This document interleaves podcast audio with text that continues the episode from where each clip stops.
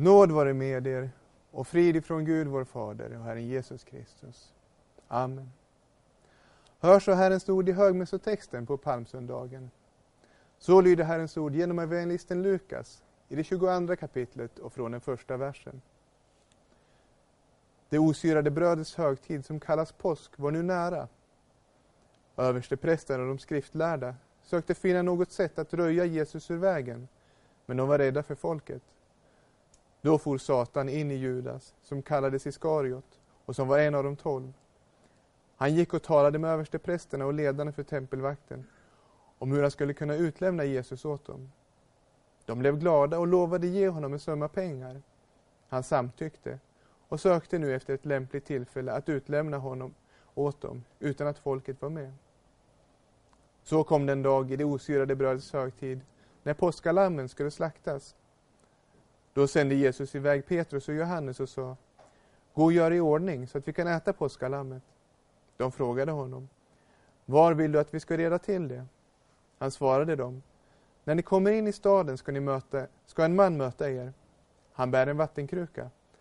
Följ honom till det hus där han går in och säg till husets ägare Mästaren frågar dig Var finns det rum där jag kan äta påskalammet med mina lärjungar?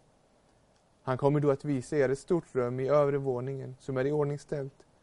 Red till där. De gick och fann att det var som han hade sagt till dem och de redde till påskalammet. Amen. Herre, helga oss i sanningen. Ditt ord är sanning. Amen. Det var nu nära, den påsk som Gud hade förutbestämt långt tidigare och som varje slaktande av ett påskalamm hade varit en förebild för. När Jesus Kristus, Guds lamm, som var utsedd före världens skapelse, skulle utgjuta sitt blod utanför Jerusalems murar.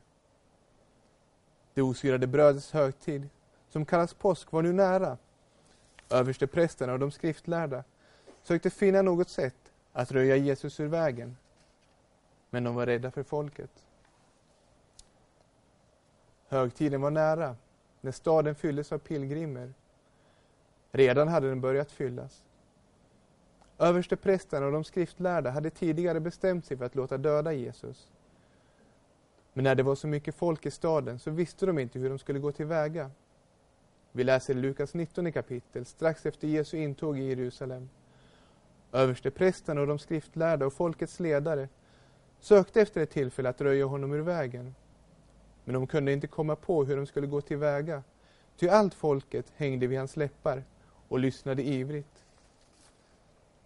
Och strax därefter berättar Jesus en liknelse och folkets ledare förstår att det handlar om dem. De har slagit och hånat Guds profeter och nu när Gud har sänt sin son så kommer de att döda honom. Den sten som byggnadsarbetarna kastade bort har blivit en hörnsten. Genom att förkasta honom förlorar de vad de en gång hade, eller menade sig ha. De skriftlärda och översteprästerna ville nu gripa honom på en gång, men de vågade inte för folket. Och det fortsätter med att det berättas om hur de försökte få Jesus att säga något de kunde anklaga honom för. De skickade ut några för att vakta på honom. Dessa skulle låtsas vara ärliga och söka få fast honom för något som han sa, så att man kunde utlämna honom åt överheten, åt landshövdingen. Och så kommer frågan om skatt till kejsaren. Men också detta hade Jesus haft svar på utan att gå i deras fälla. De hade inget att anklaga honom för. Nu inför det osyrade brödets högtid var det nästan hopplöst att finna något tillfälle att gripa Jesus. Någon gång när han inte var omgiven av en massa människor.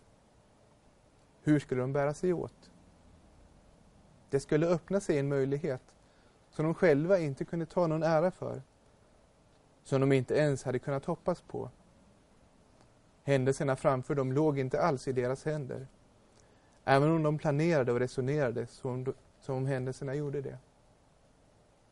Då får Satan in i Judas, som kallades Iskariot och som var en av de tolv. Han gick och talade med översteprästerna och ledarna för tempelvakten om hur han skulle kunna utlämna Jesus åt dem. Judas säljer sin mästare. Folkets ledare förkastar Messias. Satan verkar för att få Guds son gripen, dömd och dödad. Och den romerska ockupationsmakten verkställer själva domen. Mitt i all denna ondska ser vi Guds hand, som den tidiga församlingen bad. De gaddade sig verkligen samman i denna stad mot din helige tjänare Jesus som du har smort. Herodes och Pontius Pilatus tillsammans med hedningarna och Israels stammar för att utföra vad du i din makt och genom ditt beslut hade förutbestämt. Då for Satan in i Judas, som kallades Iskariot och som var en av de tolv. Det finns förstås en oerhörd tragik i allt detta och en allvarlig varning till oss kristna. I Judas finner vi den klaraste varningen för avfall. Han hade kallats av Jesus. Han måste ha trott på Jesus när han svarade på kallelsen och följde Jesus. Han hade fått ta hand om kassan, vilket förstås var ett förtroendeuppdrag som förutsatte ordningssinne och ekonomisk begåvning. Men någonstans på vägen hade Judas blivit allt mer intresserad av pengarna. Han började stjäla från kassan. Vad tänkte han om Jesus? Tänkte han, som så många andra judar, att Messias skulle vara en kung som befriade dem från ockupationsmakten och regerade på Davids tron i Jerusalem? Samtidigt agerar ju Jesus på ett helt annat sätt. Han drar sig undan berömmelsen. Han stöter sig med makten och drar sig ofta undan också den fientlighet han börjar möta. Knappast som någon som var redo att ta över och regera Israel. Judas fortsatte att följa Jesus, men han trodde inte. Han såg inte Guds plan. Han gjorde sin egen plan och tog vara på tillfället så gott han kunde. Så måste det ha sett ut. Han tjänade sina egna syften. Men vi är aldrig våra egna. Om inte Gud är vår Herre, så är vi ändå inte våra egna herrar. Vet ni inte att om ni gör er till slavar under någon och lyder honom, då är ni hans slavar, och det är honom ni lyder, antingen under synden, vilket leder till död, eller under lydnaden, vilket leder till rättfärdighet. Men Gud vare tack. Ni var syndens slavar, men har nu av hjärtat blivit lydiga mot en lära som ni blivit överlämnade åt. Vi är aldrig våra egna. Vi kan glömma vilket privilegium det är att få tjäna Gud. I Judas fall blir det extra uppenbart. Då for Satan in i Judas, som kallades Iskariot och som var en av de tolv. Judas kanske upplevde det han gjorde som sin egen idé. Han visste att de judiska ledarna var ute efter Jesus. Det var bara en tidsfråga innan de skulle röja honom ur vägen i vilket fall. Judas bara utnyttjade tillfället. Nu tjänade han lite extra pengar. Han tjänade sig själv. Han såg inte vem han egentligen tjänade. Så är det med alla otroende, även om det inte alltid är så påtagligt. Tidigare levde ni på den här världens vis och följde härskaren över luftens välde, den ande som nu är verksam i olydnadens söner. Så är Satan den här världens första. Och människor som menar sig vara fria och oberoende styrs villigt av den onde. Men också Satan själv är bedragen av sitt eget högmod. Han kan aldrig göra mer än Gud tillåter. Han kan aldrig omintetgöra Guds plan utan måste också han tjäna som redskap för Guds plan. När vi tänker på hur små vi människor är och hur beroende vi är av Gud, så kan det kännas skrämmande. Vi kan inte lita på oss själva och vår egen förmåga, för vi är små och svaga. Och ser vi djupare in i våra hjärtan, så ser vi också ondskan och själviskheten. Det är också därför det kan upplevas skrämmande att inse att vår frälsning ligger i Guds händer. Om Gud skulle döma och ge oss vad vi förtjänar, då skulle vi gå förlorade. Det som gör att vi behöver bli frälsta, vår medfödda fientlighet mot Gud, den vänder Gud till sina egna syften. Så att till och med fiendskapen mot hans egen son blir till frälsning för alla som tror på Jesus Kristus. Ni tänkte ont mot mig, säger Josef till sina bröder. Men Gud har tänkt det till godo genom det som nu har skett för att bevara många människors liv. Det är vad som också händer med Kristus. Och det är också vad vi behöver höra och läsa för att påminna oss om det. Så att djävulen inte gör allt om intet igen för oss och tar bort vår tro. Nej, vi ska bevaras i tron genom Guds ord, som Luther skriver i Stora katekesen. Man kallar djävulen tusenkonstnär. Vad ska man då kalla Guds ord, som jagar bort tusenkonstnären och besegrar honom grundligt, trots all hans konster och hans makt? Det borde väl bli hundratusen konstnär. Skulle vi då lättvindigt ringakta den kraft och den goda frukt som Guds ord för med sig i synnerhet vi som är kyrkoherdar och predikanter. I så fall borde man inte bara ta ifrån oss maten, utan också sätta efter oss med hundar och med all kraft försöka få bort oss. Så skriver Luther. Guds ord driver bort djävulen. Och vi vore vansinniga om vi då inte brukar Guds ord. Gud är ju den som har all makt. Också förräderiet Också den rätt, rättsvidriga rättegången mitt i natten. Domen mot den oskyldige. Också Pilatus vägran att ta sitt ansvar när han utlämnar Jesus till att korsfästas. Allt som leder fram till Golgata tjänar i slutändan vår frälsning. Om vi bara håller fast vid den korsfäste Kristus och inte söker en annan Messias eller frälsare. Guds plan och löften uppfylls genom människans ondska den utförs villigt. Han gick och talade med översteprästerna och ledarna för tempelvakten om hur han skulle kunna utlämna Jesus åt dem. De blev glada och lovade honom en summa pengar.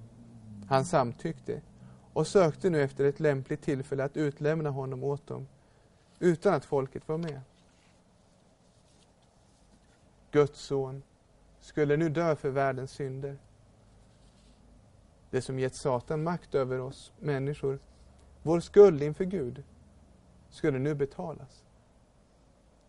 Och Satan sänder Judas för att förråda Jesus, så att Guds plan går i uppfyllelse. Det som nu händer, det måste hända. Det var förutbestämt och förutsagt av Gud. Jesus säger, allt måste uppfyllas som är skrivet om mig i Mose lag, hos profeterna och i psalmerna. Det står skrivet, att Messias ska lida och på tredje dagen uppstå från de döda och att omvändelse och syndernas förlåtelse ska predikas i hans namn för alla folk med början i Jerusalem. Messias måste lida, dö och uppstå och så ska syndernas förlåtelse predikas för alla folk, också för oss här i Sverige. Och Gud för oss så från dödens välde till livet så att vi får syndernas förlåtelse för Jesus skull. Ni som var döda på grund av era överträdelser och er oomskurna natur, också er har han gjort levande med Kristus. Han har förlåtit oss alla överträdelser och strukit ut det skuldebrev som med sina krav vittnade mot oss. Det har han tagit bort genom att spika fast det på korset. Han har klätt av välderna och makterna och förevisat dem offentligt när han på korset triumferade över dem. Amen. Så kom den dag i det osyrade brödets högtid, när påskalammen skulle slaktas. Eller som man också kan översätta det, den dag när påskalammen måste slaktas. Den dag som Gud hade bestämt i Mose lag. En särskild dag varje år slaktades lammen, som minne av hur Herrens ängel gick förbi varje hus där man strukit blod på, på dörrposterna. På samma sätt som Herren hade sett blodet på dörrposterna och gått förbi och skonat den som var inuti huset, så skulle han nu utgjuta sin sons blod för hela världen, så att alla människor skulle friköpas från domen. Påskfirandet med slaktande av lamm och utrensande av all surdeg var en skugga av det som skulle komma. Men innan uppfyllelsen kom så skulle folket hålla sig till skuggan för att lära sig att känna igen uppfyllelsen när den väl var där. Lagen innehåller endast en skugga av det goda som kommer och inte tingen i deras verkliga gestalt. Därför kan lagen aldrig genom samma offer som ständigt år efter år frambärs fullkomna de som träder fram. Läser vi i Hebreerbrevet. Då sände Jesus iväg Petrus och Johannes och sa Gå och gör i ordning så att vi kan äta påskalammet. Det är om samma påskalamm Jesus säger Jag har längtat mycket efter att äta detta påskalamm med er innan mitt lidande börjar. Ty jag säger er att jag inte kommer att äta det förrän det får sin fullbordan i Guds rike. Påskalammets betydelse kan aldrig ha varit mer påtaglig än när Jesus åt det strax före sitt lidande. Han skulle snart ge sitt kött så att världen fick liv. Men först åt han själv av påskalammet, som var en påminnelse om hur Gud en gång låtit lammet dö istället för sonen och som samtidigt var en förebild på Kristus. Nu möttes bild och verklighet när Kristus själv åt av lammet. Så uppmuntrar han oss att på allt sätt ta del av evangeliet. Han som själv inte behövde något evangelium om syndernas förlåtelse eftersom han inte hade några egna synder. Han höll sig ändå till Guds ord och läste det. Han firade ändå högtiderna som på olika sätt förebildade det nya förbundet. Han åt av påskalammet, så var en skugga av honom själv och hans verk på korset. Jag ger mitt kött för att världen ska leva. Hur ivrigt ska då inte vi ta del av Guds ord, höra predikan och komma till nattvarden, som Gud gett oss för att styrka och befästa vår tro. Vi som har synder att få förlåtelse för och varje dag behöver styrkas och uppmuntras i tron. Jesus åt av lammet. De frågade honom, var vill du att vi ska reda till det? Han svarade dem, när ni kommer in i staden ska en man möta er. Han bär en vattenkruka. Följ honom till det hus där han går in och säg till husets ägare, Mästaren frågar dig, var finns det rum där jag kan äta påskalammet med mina lärjungar? Han kommer då att visa er ett stort rum i övre våningen som är i ordningställt. Red till där. Jesus visste allt detta i förväg. Han visste vad som skulle hända, att han nu snart skulle utlämnas lämnas till att dömas och dö. Och han visste också detaljerna om framtiden. När ni kommer in i staden ska en man möta er. Han bär en vattenkruka. Vi lägger märke till att Jesus inte nämner några namn eller ger någon adress. Judas letar efter ett tillfälle att förråda Jesus. Men Jesus ger inte något sådant. Inte än. Det är ännu inte dags. Och det är Jesus som bestämmer när tillfälle ska ges. Inte förrän vid den tid som Fadern har bestämt ska det ske. Först ska Jesus äta påskalammet med sina lärjungar och då också ge dem sin kropp och sitt blod i den första nattvarden. De gick och fann att det var som han hade sagt dem och de redde till påskalammet. Kristus har förutsagt allt som vi behöver veta. Han har förutsett vad som kommer att ske. Lärjungarna följde hans ord och fann att det var som han hade sagt dem. Så ska också vi hålla oss till Guds ord och se att det är just som ordet säger. Inte stora framgångar i den här världen. Inte en bekymmersfri tillvaro med mycket pengar och popularitet bland människor. Gud kan välsigna oss också med pengar och med människors välvilja. Men vi har inget löfte om sådan framgång. Det går ofta tvärtom för Guds barn, precis som det gick för deras frälsare. Men Gud har lovat att ha omsorg om sina barn och låta allt samverka till deras bästa. Han har lovat att hålla oss i sin hand. Han låter inte någon rycka oss ur hans hand. Vad kan vi då göra? Och de redde till påskalammet. Själva det stora offret, det som var bestämt före världens skapelse, det bidrog inte lärjungarna till. Istället försökte de hindra att Jesus greps. Och när han väl greps så flydde de och lämnade honom. Själva offret utförde Jesus själv. Men påskalammet, det som slaktades varje år, det fick lärjungarna ordna med. Skuggbilden som vittnade om honom.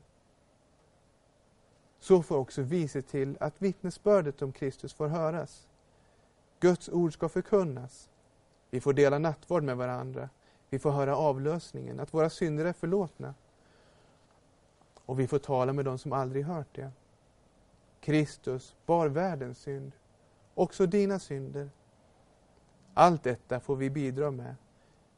Ja, Jesus har befallt oss att låta detta budskap höras, både bland troende och bland hedningar. Vi får vara med och förmedla evangeliet.